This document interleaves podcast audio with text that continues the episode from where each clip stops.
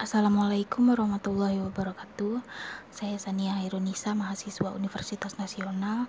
Di sini saya akan membahas tentang ruang lingkup komunikasi organisasi. Di sini saya akan membahas tentang unsur komunikasi.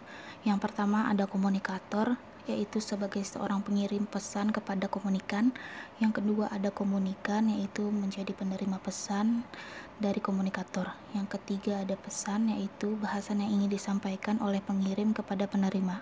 Yang keempat ada media, yaitu sarana yang digunakan untuk mengirim pesan. Yang kelima ada feedback, yaitu proses untuk memastikan penerima pesan apakah mengerti dan memahami isi pesan yang kami sampaikan. Selanjutnya ada konsep dasar komunikasi. Konsep dasar komunikasi secara umum dikemukakan oleh Edward M. Bodekan dengan tiga macam, yaitu komunikasi sebagai tindakan satu arah, yang kedua ada komunikasi sebagai interaksi, yang ketiga ada komunikasi sebagai transaksional.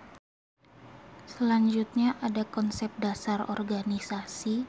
Menurut John D. Millet, Organisasi adalah orang-orang yang bekerja sama dengan mengandung ciri-ciri dari hubungan kemanusiaan yang timbul di dalam kegiatan kelompok. Konsep dasar organisasi secara etimologis sendiri terdapat tiga macam pendapat tentang organisasi, yaitu perkumpulan orang, proses pembagian kerja, dan sistem kerjasama. Selanjutnya ada relevansi komunikasi dan organisasi. Yang pertama ada komunikasi merupakan bagian terpenting. Maksud bagian terpenting adalah dalam kehidupan manusia karena komunikasi memiliki kemampuan untuk menjembatani seluruh kepentingan manusia, baik sebagai individu maupun sebagai kelompok. Seluruh interaksi manusia dengan lingkungannya menggunakan jasa komunikasi. Selanjutnya adalah sebagai sarana untuk mengemukakan ide, yaitu agar para anggota kelompok dapat memahami atau melaksanakan berbagai kegiatan organisasi dengan mencetuskan ide tersebut, sehingga akan mampu menciptakan dan mengembangkan mengembangkan kerjasama yang dapat meningkatkan kinerja organisasi.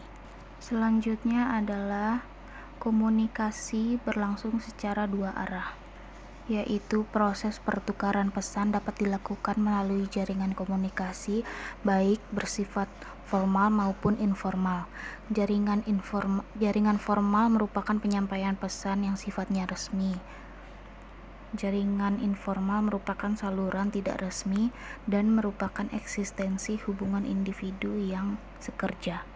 Yang terakhir ada sebagai sistem komunikasi dalam belajar mengajar, yaitu lebih menekankan pada pembelajaran maupun di sekolah ataupun di kampus. Komunikasi antara dosen, guru, dan mahasiswa. Yang terakhir ada fungsi komunikasi dalam organisasi, yaitu adalah menyampaikan dan memberikan informasi kepada sekelompok tim. Kedua, ada membantu pada saat proses terjadinya suatu proyek akan dimulai. Yang ketiga, menambah wawasan baru. Yang keempat, proses pekerjaan menjadi lebih mudah bila terjadinya komunikasi yang efektif.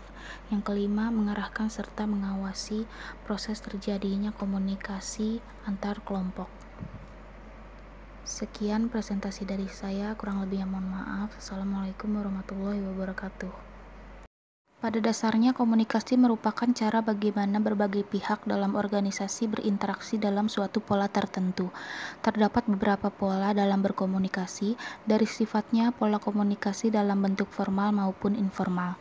Pada praktiknya terdapat hambatan-hambatan dalam berkomunikasi, sehingga dapat menghambat terwujudnya kelompok kerja yang efektif, yaitu hambatan yang bersifat individual maupun yang bersifat organisasional, sehingga perlu melakukan upaya-upaya untuk mengelola komunikasi agar berjalan secara lebih efektif dan memperbaiki hambatan-hambatan dalam berkomunikasi tersebut. Komunikasi organisasi ini terjadi dalam suatu organisasi yang bersifat formal dan informal dan berlangsung dalam jaringan yang lebih besar dari komunikasi kelompok. Komunikasi organisasi sendiri ini juga melibatkan komunikasi diadik, komunikasi antar pribadi, dan komunikasi publik tergantung kebutuhan.